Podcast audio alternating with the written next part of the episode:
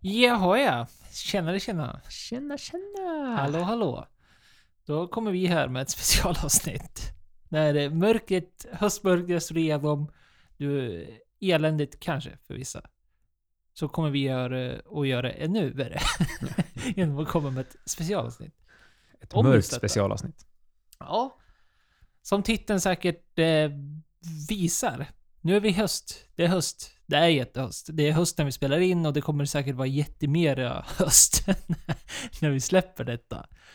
Och hösten har ju ändå sin charm när det kommer till drycker. Mm. Det kan jag absolut hålla med om. Det är ju nu man vill ta fram de här riktiga rökviskorna och mörka ölerna och ta bort allt det ljusa och söta. Det är ju det. Liksom vi, även i vinens värld så byter man ut rosén mot de här Nebbiolo-viner eller liknande som vi drack bara för, ja nu vet inte jag hur många avsnitt det kommer vara från, från det här, men för några avsnitt sen. Då vi just pratade om det också, hur de här mörka noterna kommer in, det här mer eh, mustigare smaknoterna. Och det är ju det vi tänkte ta på sak nu. Nu har vi pratat om det så mycket, så då tänkte vi vi kör väl en specialjävel då, så får vi väl eh, prova lite av det vi har pratat om. Absolut. Eller ja, inte exakt de här har vi inte pratat om än, men eh, konceptet. Ja, precis. Höstdrickande. De här valde vi lite på måfå. Och en av dem har vi köpt på bara vad namnet heter. Men vi har ju tre öl och tre whiskys framför oss. Ja, och jag, jag tänkte på det nu precis innan vi gick på play, att det är ju kanske tråkigt att vi alltid dricker öl. Det har blivit öl, det har blivit gräsklipparöl och det har blivit påsköl. Och nu blir det öl. I och för sig, vi har tre whiskys också som är rökiga.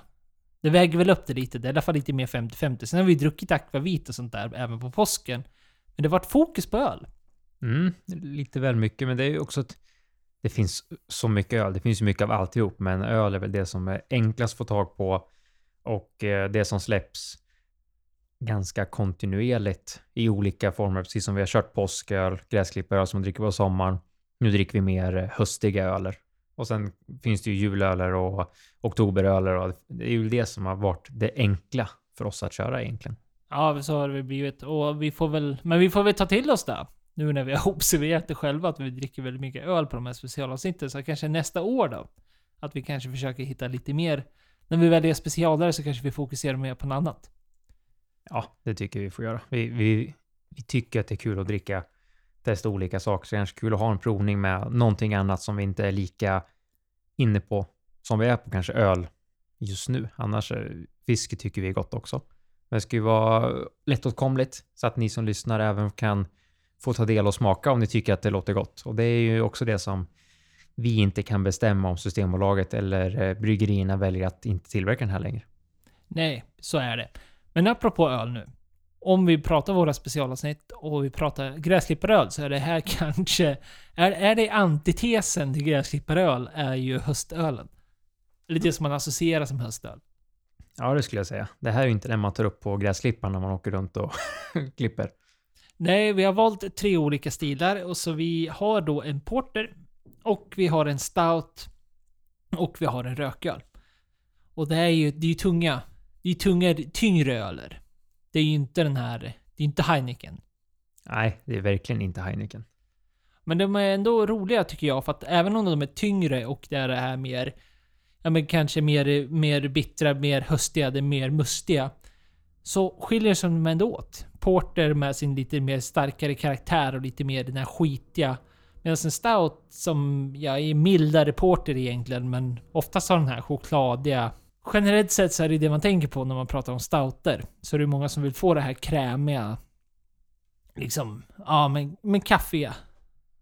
Och så avslutar vi med en rököl. Som är precis vad det låter. En öl som smakar rök. Och det ska bli väldigt kul, för alltså, jag har inte druckit någon av de här innan. Har du druckit någon av dem? Av ölerna? Jag tror jag har druckit, eh, vi kan ju säga vilka vi har också. Vi har Sumprunkarens svarta porter. Vi har Jämtlands Coffee Stout. Och vi har Vapnö... Nu får du vrida på den. Nu ser inte jag vad det Norvind rököl. Eh, jag har inte druckit Vapnö, jag har inte druckit Sumprunkarens svarta och jag har inte druckit... Jo, jag har druckit Jämtlands Coffee Stout.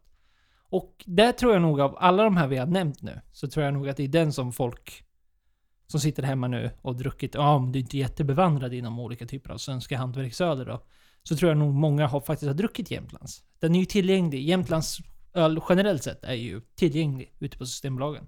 Och det är ju också lite roligt att det, att det är de här stora som faktiskt finns överallt som också har lite roligare eh, olika sorters öl, så inte bara är Jämtlands IPA, det är väl den som är den största. Eller är det jag som tänker helt fel nu? Det kan det vara. Det vågar jag inte svara på, men det borde finns ju- rimligtvis vara. Ja. Men ingen av de andra har jag hört så mycket om och det finns ju så mycket bryggerier i Sverige så att man, eh, man kan stirra sig blind. Man kan säkert sett dem på mässa eller sett dem i förbifarten men aldrig reagerat så mycket när det finns så mycket att titta på och så många olika sorter. Whisky, också tre stycken. Och där har vi faktiskt delat upp dem medvetet av lite olika prisklasser. Men ändå ska ha det här röka temat. Och då börjar vi med en Bunahaven Moin. Och eh, om man ska söka på det ska man skriva Bunahabain. För att eh, skottarna uttalar bokstäver som inte finns. Och sen har vi tagit en Ardbeg Ugglan. eh, Som då vi kallar den för, egentligen heter den väl Ugdail. Eller Ugdail? Ugdail? Ja, jag, jag vågar inte ens chansa. Jag brukar gilla att chansa, men Inte på det här. nej. Och så avslutar vi med en riktig bombare som eh, de flesta som dricker whisky och kanske provat någon gång vet vad det är. Och det är en Octomore. Är väl den rökigaste whiskyn i världen. Eller de, en av deras är ju den rökigaste whiskyn som har gjorts. Det är inte den här.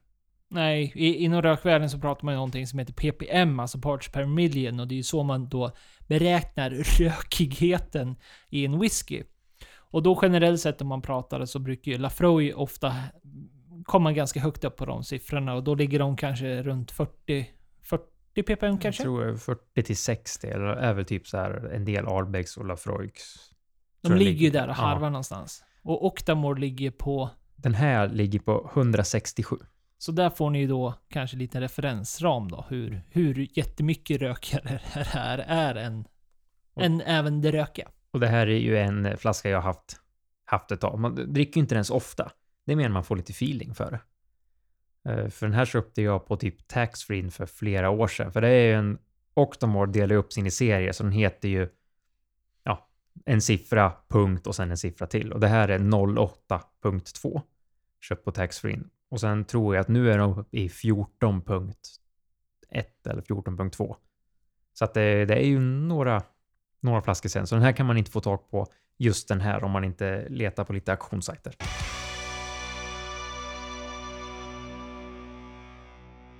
Och vi dundrar av med avsnittets titel.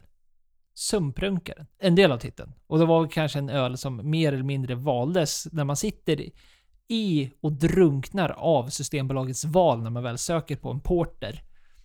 Vi ville ju ha, återigen, vi ville ha en rököl, en stout, en porter. Och sen vilka, det var liksom, vi ville ha svenska hantverksöler. Det var det vi utgick ifrån. Och sen, sen bara plockade vi någonting därifrån. Och det är kul. Samtidigt som vi tänkte att det skulle vara beställt. Vi har ju kunnat beställa dem, så då borde ju du som lyssnar kunna beställa dem ifall du vill. Och Jämtlands återigen är ju väldigt tillgänglig. Men vi börjar med Sumprunkarens Svarta Porter. First impressions. Jag tycker den är god, som är en generell term. Men som du sa, det är väldigt bitter, men det kommer en så här bra eftersmak. Om man jämför med, att nu är det ju här en porter, som sagt, det är ingen chocolate stout, men det är ofta det man kan jämföra med, tycker jag. Man får det här tjocka och det känns nästan som en efterrätt. Det tycker jag inte det gör. Det känns nästan som en, en stark kaffe som är nästan, jag vet inte hur jag ska förklara. Om man gör, en- om man gör en kaffe i en kaffemaskin ibland kan det smaka blaskigt, men man kan göra det starkt ändå. Det känns som att det är liksom, det är jättemycket kaffe, men det är samtidigt inte så mycket smak på kaffet. Förstår du vad jag menar? Ja, jag tror det. Att du liksom, det är den här kaffekaraktären Mm. snarare än smaken. Jag tycker den är jättetrevlig. Roligt. Men sen är det ju alltid det här att man, eh, det räcker nog med typ en. Alltså sån här. Just av den här. Sen skulle man kunna ta en annan annan dag. Men Ja, du talar för dig själv. Jag skulle nog kunna sitta och tycka. du dricker bara sånt här. ja, det, jag tyckte den var också väldigt god. Faktiskt. Eller faktiskt. Ja, den var god. Punkt slut. Och det jag verkligen tyckte om var just den här eh, lite käftigare smaknoten. Det var, den mildrar inte ner sig alls på slutet, vilket också Porters generellt sett, kanske mer vanligt vid stouts, men porters. Utan den, den ökar bara, så att den, liksom, den avslutar på någon typ av beska som bara följer med hela resan. Och, ja, men väldigt mm, tjockt inslag av starka, påtagliga smaker som... Ja, det, jag gillar det verkligen. Det är så här jag associerar att en porter ska smaka på något sätt.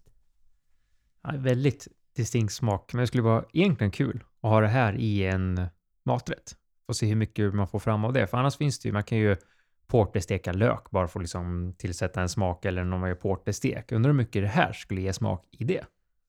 Kommer jag bara att tänka på nu helt. Ja, det får du på. Det kan vi göra. kan vi göra och återkomma. Ja, absolut. Gud vad tråkigt.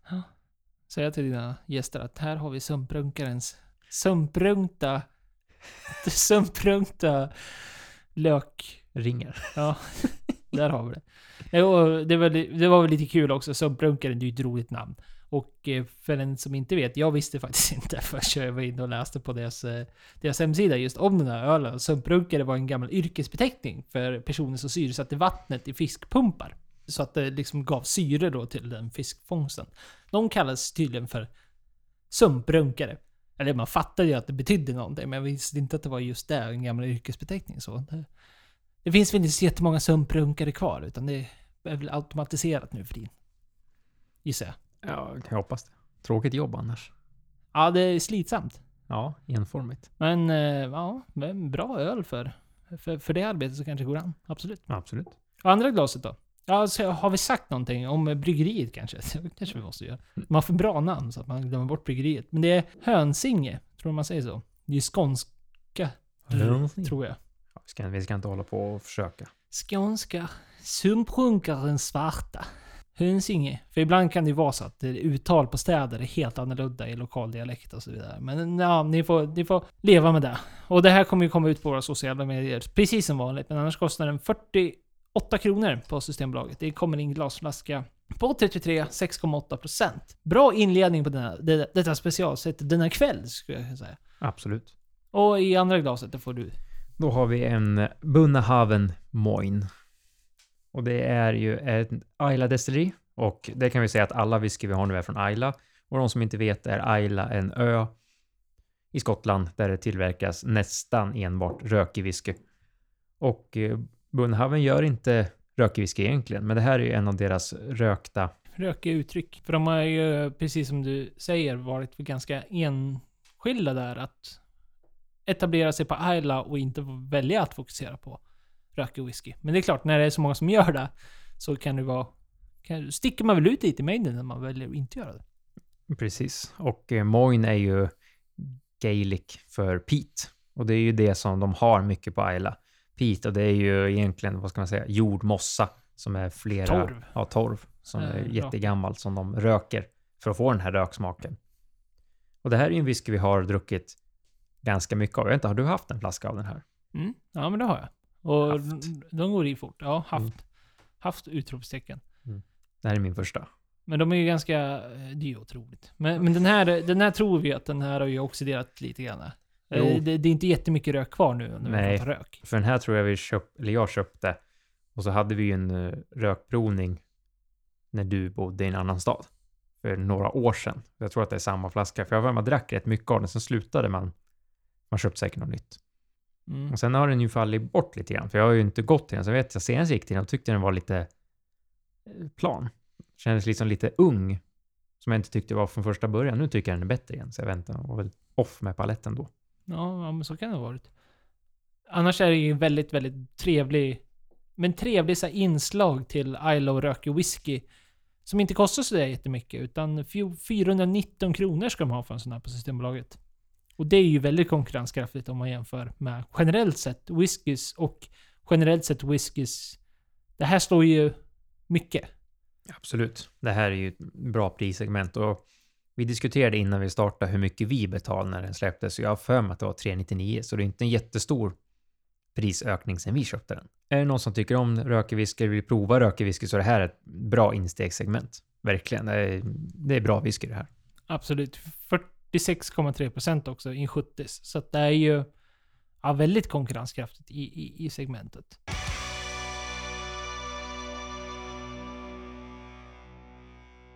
Vi har ju pratat om i våra normala avsnitt, eller våra riktiga avsnitt, jag vet inte vad vi ska kalla dem för. Våra vanliga fredagsavsnitt kan vi kalla dem för. Så pratar vi alltid om hur, eller vi har pratat om definitionen av vad en typ av höstdryck är, eller skillnaden mellan att gå till en sommardryck eller till en höstdryck.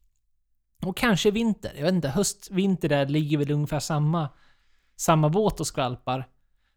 Behöver också en sumprunkare kanske för... Fis, eh, det var ju för fiskens skull. Nej. Fan vad- dåligt det där blev.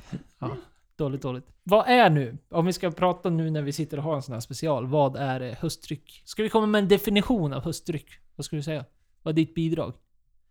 Ett ord. Mörk. På öl i alla fall. Ja. Och även vin. Alltså mörka. In, inga ljusa. Alltså mörk och kraftig. Speciellt. Om man jämför med, som du sa, det är Heineken. Ljus, enkel, lager. Så är det här mörk och kraftig porter. Alltså lite så att man byter egentligen nästan mitt tvärt emot från sommaren. Mörkt och nästan lite mer käftsmäll på all, alla drycker. Även whisky tar vi rökigt och tar man viner ska man gärna vilja ha liksom en riktigt kraftigt rödvin till den här eh, höstgrytan man gör. Ja, jag tycker det är svårt det där. Alltså så här, själva definitionen. För jag är ju återigen en sån som dricker... Man är ju inte jättesäsongsberoende. Det är ju inte du heller egentligen. Och det är väl entusiaster överlag är ju inte det. Men det är väl, har väl det här extra. Men det är väl också för att resten av samhället anpassar sig lite.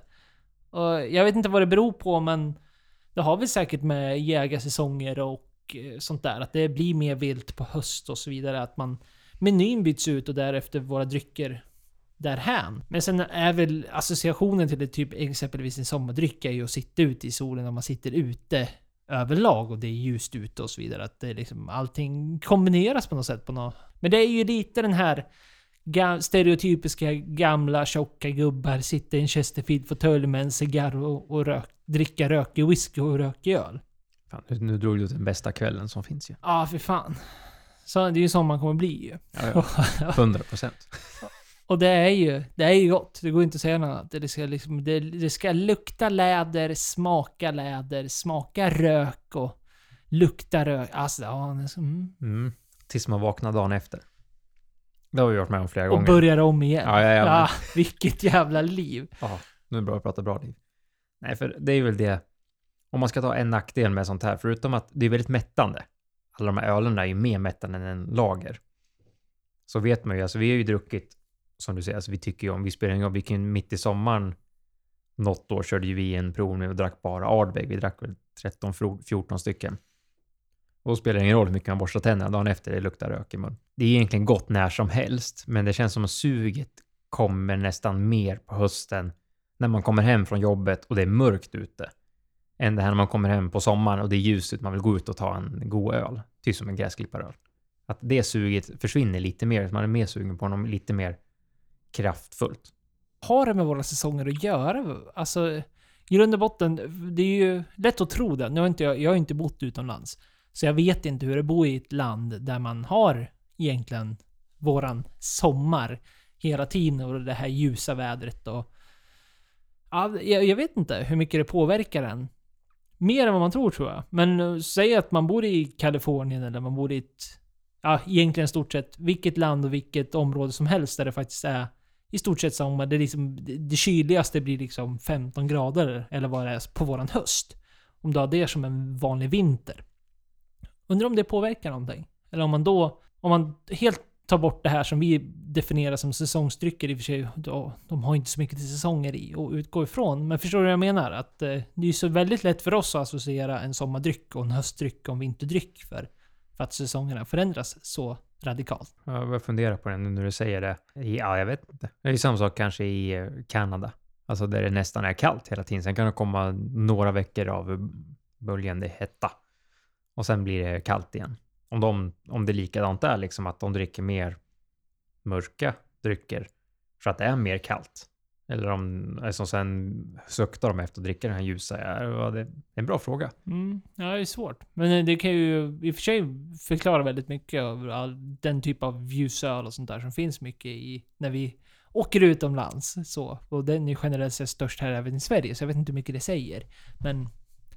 Ja. Det är väl den som egentligen är lättast för gemene man. Alltså, alltså, jag har haft två ölprovningar med kompisar som inte dricker så mycket öl. Alltså som bara tycker det är kul att prova och båda gångerna dracks och de som vann det var ljuslager och suröl för de personer som inte drack öl. Och de som tyckte öl var gott, då tror jag, jag kommer inte ihåg vilken som vann nu, men det blev ju någon ale och så tror jag det blev typ trappist eller någon, någon av de här lite större. Men de som inte dricker öl, de suktar ju bara efter en lager eller en suröl som, smak, som inte smakar öl egentligen. Det är det tråkigaste tycker jag. Det är när folk har sina förutbestämda associationer till vad en, en mörk öl är och hur den smakar. Den tycker jag är jättetråkig, för den hör man ju fortfarande alldeles för ofta tycker jag. Det här, den här direkta definitionen att man säger att man inte gillar mörköl. Man, att man använder liksom mörk öl som en enda stor klump.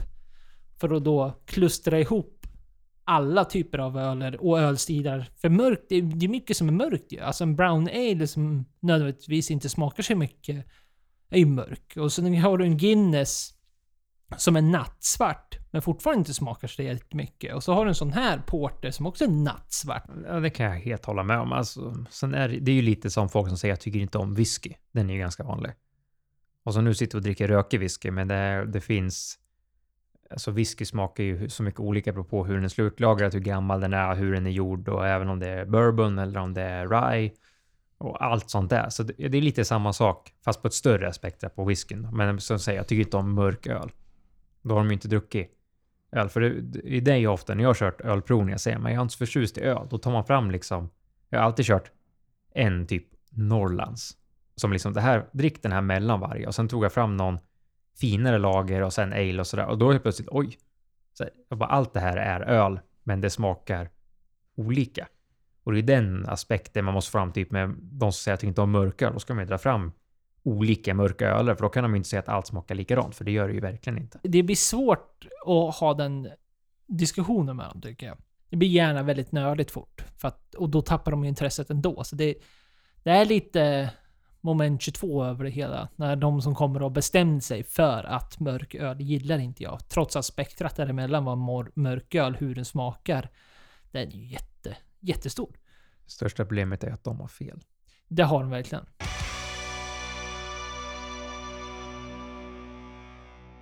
Då har vi bytt öl. Bytt mörköl. All mörköl smakar skit. Så att nu har vi tagit fram en stout. Mm, den smakar skit. Nästa. Ja.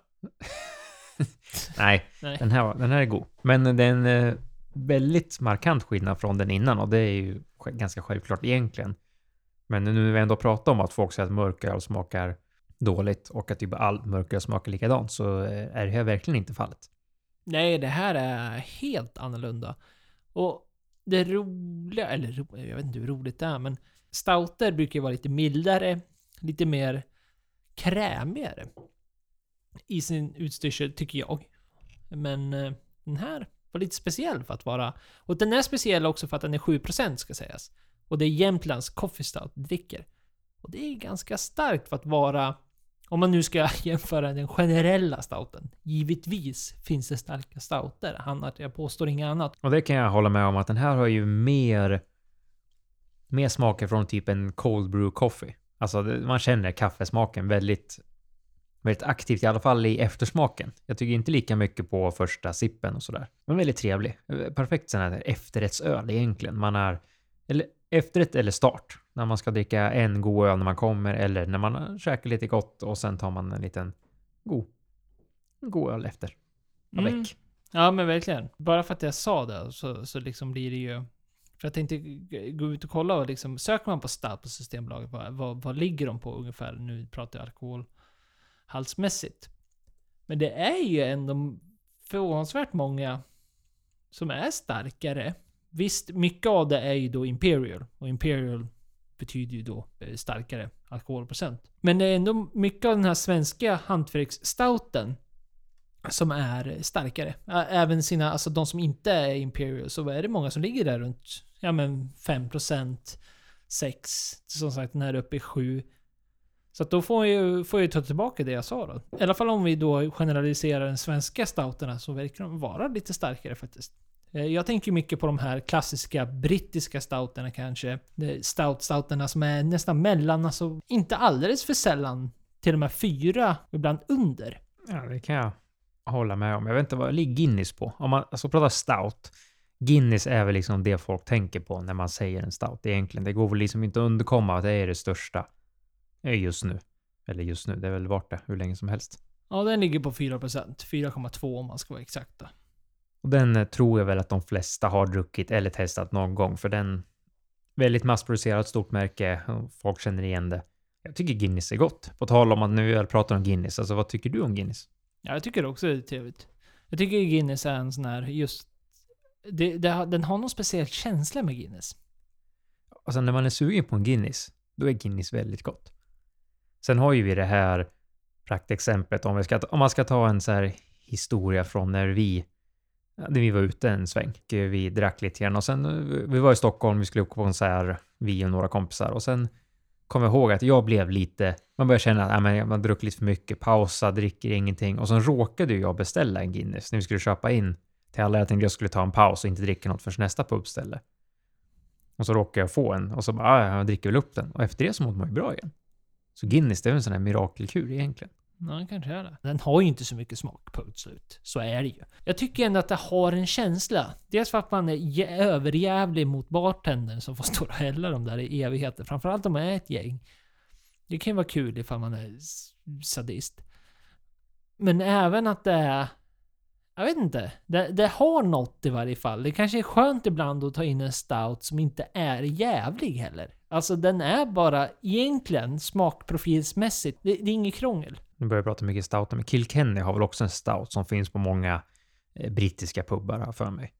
Eller är jag helt ute och cyklar nu? Nu ska vi ta, jag dricker väldigt lite stout. Det är ju typ Guinness när det kommer till, eller när vi, när vi har köpt någon kul eller om man har någon kompis eller inom släkten som har köpt en rolig stout. Och då är det ju ofta den här smaksatta. Det har varit någon så här chocolate barley eller coffee, alltså sådär. Och de är ju alltid roliga att få smaka för det är en helt annan profil. Men det är ju inte en stout stout. Och Kilkenny, då tänker jag oftast på den här Red Irish Alen de har. Mm. Men de kanske har något mer, jag, det vågar jag faktiskt inte svara på. Även Fullers har ju ofta sin Black Cab. Ja, den är bra. Den är bra. Fullers är bra. Fullers är eh, överlag bra. Men det är ju mycket brittiskt som ni hör. Det är därför man... Men eh, ja, ja men då så. Jag ändrar mitt, får ju ändra statement där att generellt sett när vi pratar stouter, svensk stout, så brukar, ser det ut att vara ungefär där runt starkölsprocenten, 5-6%. Men porter är ju ännu starkare. Om vi då, nu får vi tänka återigen att vi bortser Imperial, för det är ju en helt annan fråga. Men om vi ska lämna stout en stund och gå vidare på nästa dryck vi dricker. Och den här whiskyn har ju vi druckit x antal gånger och du har druckit x antal flaskor. Det är ju våran standardwhisky egentligen. Jag brukar köpa in en flaska då och då. Och sen, jag vet inte, jag har väl personligt bästa på kanske sex månader. Lite skillnad från mig, för vi började läsa på innan vi, när vi tog en liten paus mellan segmenten så tog upp och sa att den här batchen var bättre än batchen du har och så läste vi på min att den är från 2018. Så dricker inte lika febrilt, eller vad säger aktivt som du gör. Nej, och den här, även den här är ju oxiderad. Ja, ja absolut. Är, om man ska mäta nu så är det väl ja, vad är det, 3 centimeter kvar i flaskan, så den här tar väl slut i ikväll. Och det vi pratar, eller menar när vi pratar oxiderad, just för i det här fallet med rökig whisky, är ju att rökig whisky är mer känslig än vad, vad annan whisky kan vara. Just för att har du mer än, mindre än halva flaskan, skulle man väl kunna säga, då försvinner det här initiella, det här torviga, det rökiga. Det, det, det, det blir nästan... Jag vet inte hur man ska förklara. Det, det bara försvinner.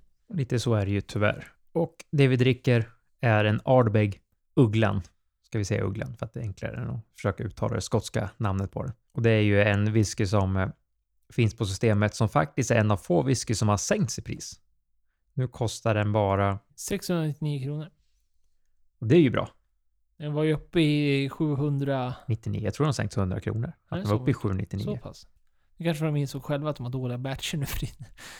Det tror jag inte. Det är Ardbeg vi pratar om. Och eh, för er som har lyssnat i podden vet ju att vi, vi gillar Ardbeg. Så- Det är ju ett destilleri som vi dricker ganska mycket av. Och de släpper mycket kul och, men sam, eller, ja, och samtidigt släpper de mycket som inte är lika kul.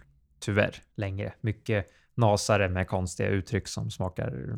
eh, Ja, och där får man ju ställa sig på vilken sida. Det är ju många som påstår att ja, men det är väl kul att ett destilleri försöker göra något roligt, något kul, man vågar satsa och hitta på nya roliga saker samtidigt som finns den här andra skaran som säger att nej men tråkigt att ett sånt bra destilleri med ädelt och liksom har hittat ett jättebra recept vill jag säga, men det blir fel. Men konceptet fungerar så bra, så varför slösa och ödsla massa tid på, på att göra sånt där? Utan gå tillbaks till mer såhär oddbeständigt de hade mer förr i tiden och så vidare. Det, det är en diskussion för en annan gång kanske. Det, det svåra är ju att alla de, allt de släpper nu jämför ju, i alla fall du och jag och många andra också, med den här whiskyn. Den här whiskyn är ju grymt bra för att vara en core range. I, liksom, I ett sånt segment att jag kan inte komma ihåg hur många whisky, vi har ju druckit många, men alltså hur många whisky på sen tid som vi dricker och säger att den här är bra, men ugglan är bättre. Och det är det som var alla de här limited releases ska egentligen vara bättre än core range eller liksom ge någonting mer. Och det tycker inte jag att de har levererat lika mycket på alla. Det finns ju några flaskor som har varit bra, som liksom har varit så här, men den här är bättre eller den här ger något annat. Men de på senare tid är många varit så här, fast ugglan är bättre. Varför lägga mer än dubbla pengarna på någonting som inte smakar lika bra när du kan köpa två av den här? Ja, det är väl kanske där man har landat någonstans. Att jag, jag köper det på något sätt, det här med att de försöker göra något roligt och försöker förnya sig och allt vad det är. Men istället för att tolka det som något mer så kanske man får just göra det, att man får tolka det som något annat istället. För all respekt till Ardbeg, att de har en väldigt stark core range. Det har de. Så att man ska nog inte köpa de här uttrycken de släpper, årliga uttrycken de släpper och förvänta sig att de ska vara bättre än core rangen. Men att det är något annat. Det, det är en annan typ av uttryck av Ardbeg om man då gillar Ardbeg väldigt mycket. Alltså, så tycker jag absolut. Jag försöker komma på de senaste uttrycken här vi har druckit. Vi har ju... Hardcore var ju i... Den var ju tråkig. Riktigt. Alltså en besvikelse. Klen. Scorchen var bra. Det var ju... Det smakade ju som Ardbeg. Rök i Ardbeg. Scorchade tunnor. Och sen var det ju Blacken vi köpte för... Ja, den tyckte jag väldigt mycket om. Ja men, ja, men den är bra. Jag ju kvar flaska din i slut. Den var riktigt bra. Faktiskt.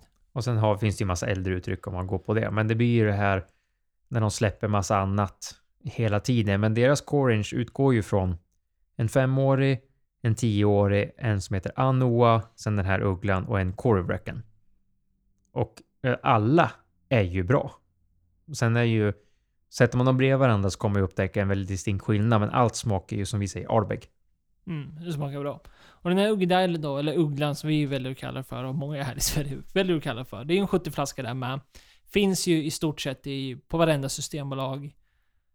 Ja, större systembolag vågar jag säga, byter jag till bara för att, för att det ska bli mer korrekt. Och så är det ju 54,2%.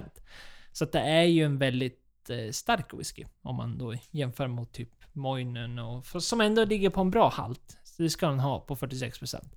Men eh, 54% för 700 kronor för sånt där hypat destilleri med en sån här kvalitet. Det här är bra whisky för pengarna. Så är det. Ja, eh, inget mer att tillägga. Det här, det här är bra.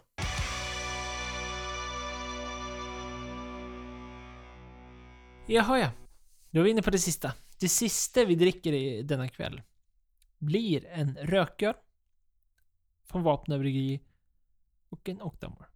Ja, vi, har, Ja, vi har provsmakat lite innan vi började här och det blir lite rund om fötterna också. Men Ja. så, så är det i de här specialavsnitten. För det är gudarna vet att det blir, det blir mycket på kort tid. Men vi ska väl försöka hålla oss Ja, skarpa. och ölen är ju starkare och whiskyn blir ju starkare och starkare för varje vi, vi öppnar upp här. Men Vapna Nordvind rököl. Och den får vi väl tyvärr börja med att säga att vi är ganska säkra på att den här är död. Ja, ingen kolsyra alls kvar. Vi har hällt upp den, det skummar, ing, eller skummar, men det är ingen kolsyra kvar. Och den smakar typ ingenting. Avslagen. Det smakar ingenting och för då vara en rököl så borde det här smaka som bara den. Av den rökölen man då har druckit i historiskt sett. Så antingen, ja men och vi säger så här då, vi är 99% säkra på att den här är död. Och så slutar vi där, för att annars kan det ju vara så att vi lägger den sämsta recensionen någonsin, men den här är död, punkt slut. Så tyvärr kan vi inte säga så mycket om just den här ölen. Men vi kan ju säga någonting om Vapnö Bryggeri. Som är ett eh, gårdsbryggeri som är ändå värt att nämna och var väl, ja men kanske lite därför att vi drog oss till den här ölen också. Att de, de kör ju hela skiten, utan de beskriver det själva som att det ingår i gårdens kretslopp. Så att det är alltså deras egna vete och det är deras egna korn.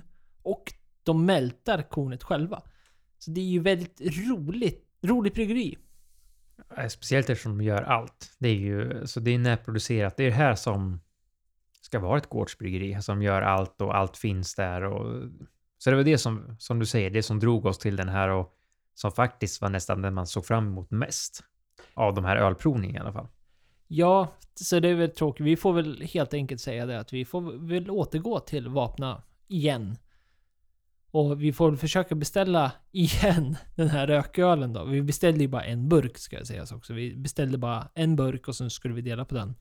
Så tyvärr så beställde vi inte två så kanske vi hade haft en som inte är död. Men ja, tyvärr. Men eh, vi återkommer till vapnen i något annat. Antingen ett vanligt avsnitt eller något sånt där. Så Ja. får det bli. Absolut, det får jag göra.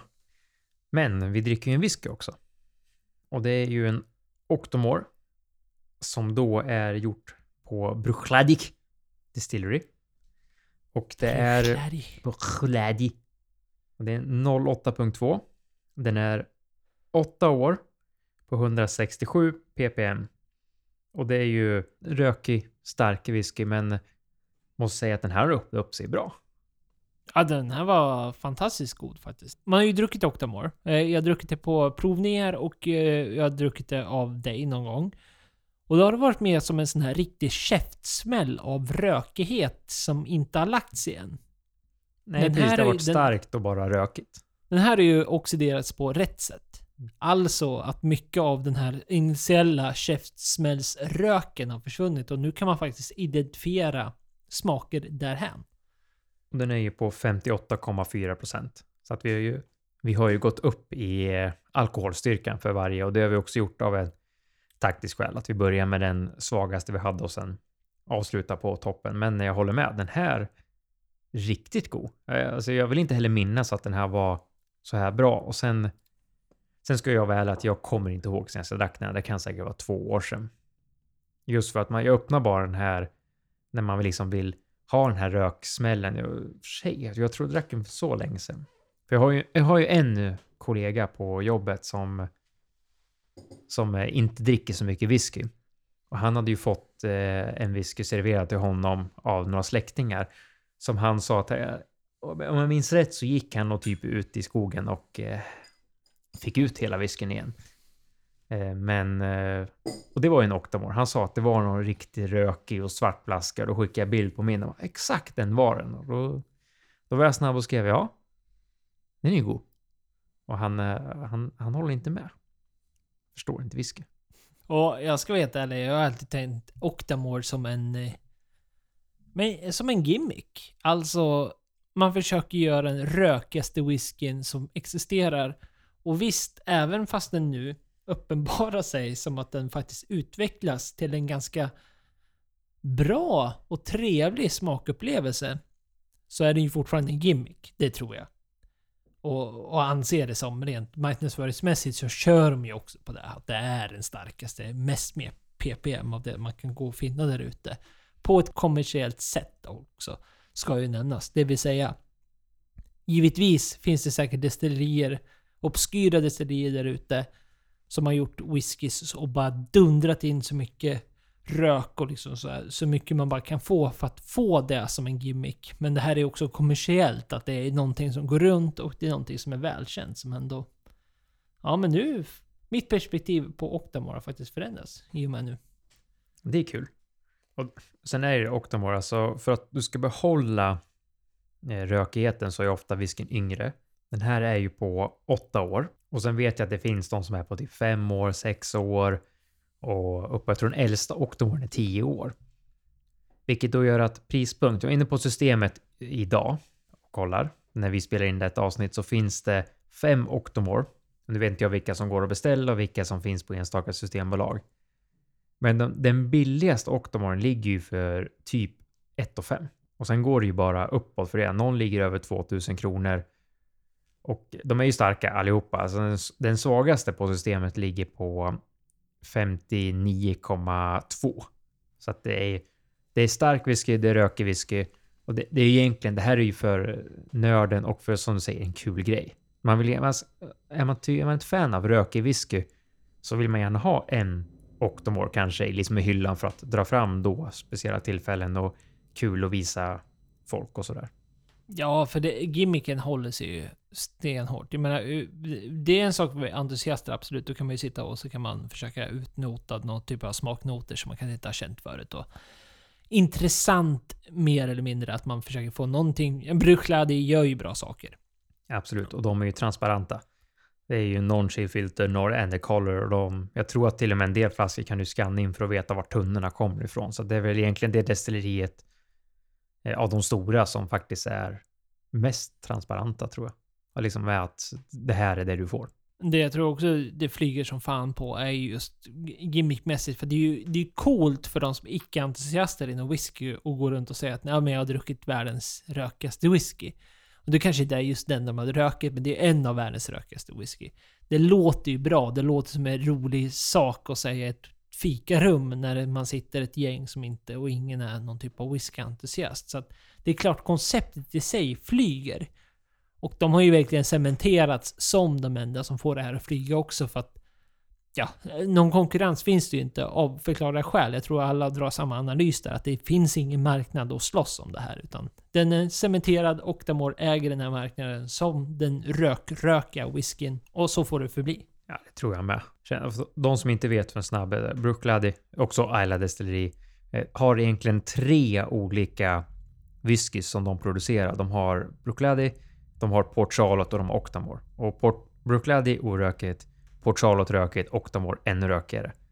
Och Port Charlotte, du och jag, alltså tian är ju fantastisk. Det är ju en grymt bra whisky. Och så har de ju andra Scottish Barley och de är ju väldigt transparenta att de får liksom så här.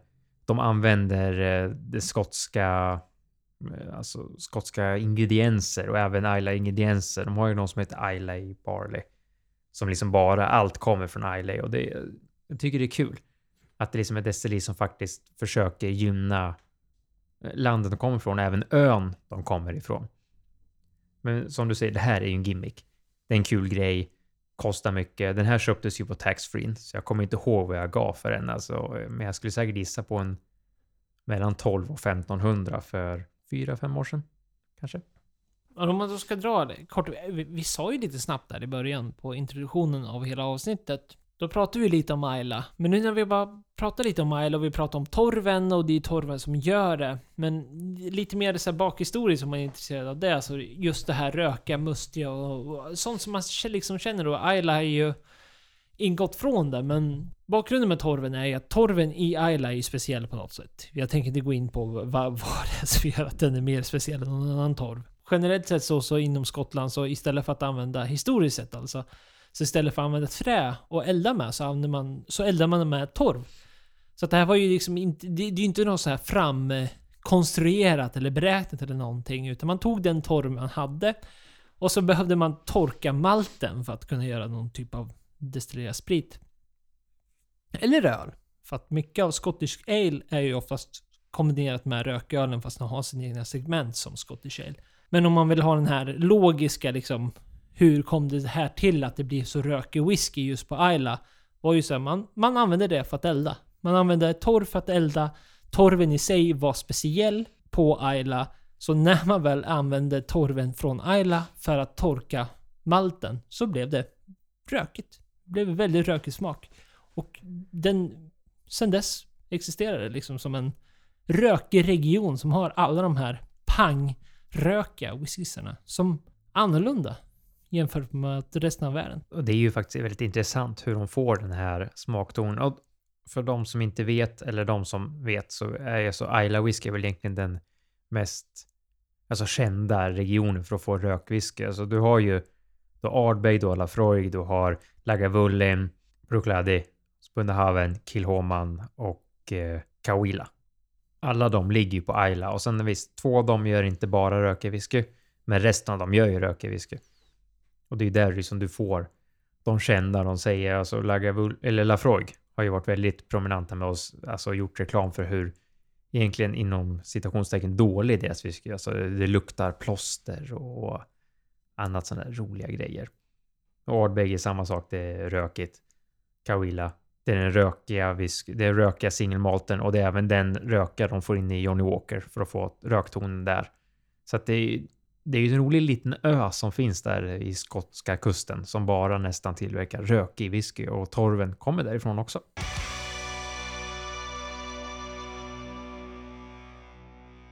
Ja, då sitter vi här. Uppdruckna. Nästan. Nästan. Lite kvar. Och vi hoppas väl att eh, du som har lyssnat haft det bra och kanske suttit på en tung, ja, kanske en fredagkväll, en lördag, mörk höst, regnig dag. Satte dig med någonting gott, en god öl, en god whisky, vin eller vad det kan vara. Så satte du på det här specialavsnittet och är lite nöjd. kanske. Jag hoppas det i alla fall. Ja. Dåligt med vin i det här avsnittet, men vi valde ju att ta öl och whisky istället för att öppna upp en eh, fin höst, ett fint höstvin. Ja, och det gjorde vi ju för inte så jättemånga veckor sedan i våra vanliga avsnitt som du får lyssna på där. Som var... Det heter Barolo Is och Romerska Romerska vinkyla. vinkyla. Ja. Ja. Avsnitt 37, där dricker vi Barolo ifall du vill ha ett vin som är kanske lite mer höst, höstigt. Ja, då blev man sugen på Barolo också. Ja, det blir... Ja, det- fan vad bra det vinet var. Helvete vad bra det var. Ja, det är nästan lika bra som den här Octomore. Ja, Octamore var riktigt bra. Men summering nu då. Nu har vi ju druckit det som vi definierar då som höstdrycker. Alltså det rökiga, mörka, skitiga liksom. Håll käften. Varianter. Tyvärr, Vapnö. Återigen måste vi lämna utanför den här summeringen. Den var död. Vi får återkomma till det bryggeriet. Tråkigt, men så, det är sånt som händer.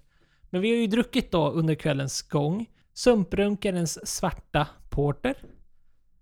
Och Jämtlands Coffee Stout. Bunnahabin Moin. Ardbeg Ugidail. Och Octamore. 08,2. Ja, bra grej. Nej, men det har, det har varit jättekul. Kul att prova och det är alltid roligt att dricka lite mörkare nu när hösten börjar komma. Löven börjar bli gula. Eh, kylan kommer. Regnet kommer väl tillbaks. Så har du lyssnat så här långt in så kom gärna med det. här är ju liksom våran vision eller vision eller vad, vad vi tänker som en höstdryck om vi nu ska kategorisera drycker ut efter säsong. Så kom gärna med din egna. Vad, vad tycker du? Vad är höst för dig? Det, du, för dig kanske inte allt inte alls är någonting, utan ni kanske har mer med varma cocktails att göra eller vad egentligen som helst det kan vara. Eller viner man kanske inte alls dricker öl under vintern. Det kanske, för dig kanske det är en sommarsak att dricka lager. Det är öl för dig medan höst och vinter är mer vinigt och sånt där. Så.